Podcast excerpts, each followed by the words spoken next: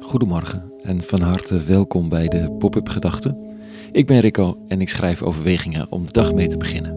Vandaag met de titel Gezien zijn.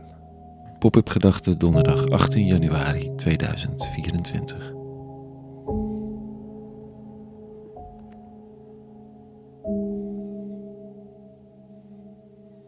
Wat er nodig is voor verzachting en verzoening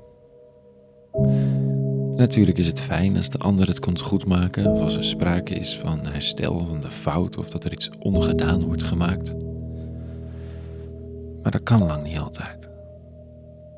In zijn kerstverse column in de Happiness schreef collega Arjan Broers: Een van de wijsheden uit de traditie is dat iets pas verlost of vergeven kan worden als het gezien is. En dan niet alleen in termen van schuld of fout of slecht, maar vooral in waarheid. Ik ben gekwetst en beschadigd, zegt de een. Ik was onmachtig, zegt de ander. En ik heb je verstaan. Het is alweer lang geleden dat we met een groepje studenten, vrienden, kampeerden in Frankrijk. Een van mijn beste vrienden was erbij en zoals dat gaat, soms kun je elkaar even niet uitstaan. De vakantie is zo'n moment dat je dat opeens kunt benoemen en ik zei hoe pittig ik zijn cynisme vond in de groep soms. Niet zo'n gemakkelijk gesprek tot hij zei: Dit ben ik. Als ik onzeker raak, is dit mijn toon. Hm. Dat was het. Meer was er niet nodig, gek genoeg. Voor mij althans. Want als dit het was, ja, dan kon ik ermee leven. Een opluchting voor hem, want hij was zichzelf ook wel eens zat. Maar als een ander hem kon verdragen, dan kon hij het zelf ook alweer. En dat God vice versa mijn bravoure soms net wat te grote woorden mijn manier om toen die onzekerheid onder tafel te houden. Ja, zo ging dat nu eenmaal soms. Daar konden we wel mee leven. Want nu wisten we wat het was en het werd gezien voor wat het was door de mensen die ons nastaan. Niets was veranderd aan de buitenkant, maar alles aan de binnenkant. Geen goed of fout of schuld, maar waarheid en gezien zijn. Ik moet eraan denken door twee eenvoudige zinnetjes uit de psalmlezing van de dag. Daar staat: Heel mijn zwerversleven kent gij, al mijn tranen hebt gij opgevangen in uw kruik. Zwerversleven.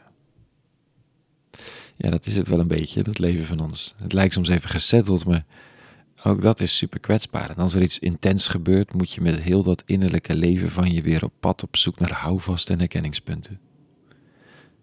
Dan klamp je een gids aan die dan coach heet of therapeut of pastor of zoek je naar een nieuw hutje waar je ziel even kan schuilen omdat het weer guur is en de voorbijgangers gevaarlijk aandoen. En dat je dan steeds op dat pad, wat je opnieuw weer op moet als de wereld verandert, en dat doet hij nou eenmaal voortdurend, dat je op dat pad niet alleen bent. En er iemand is die de tranen ziet en eert. Gisteren luisterde ik naar mensen wiens leven was verwoest. Door Hamas of door Netanyahu of door de eindeloze uitzichtloze bezetting. Ze zijn zwervers in hun eigen context. Vredemakers die tegen de klippen opgeloven dat er een bestemming is en dat de weg die ze gaan, de weg is om te gaan. Hun tranen worden gezien, zij zijn gezien. En mijn taak is ook om hen te zien en te eren, al is het maar op afstand. Om zelf ook weer af te stemmen op wat waar en helend is in mijn leven.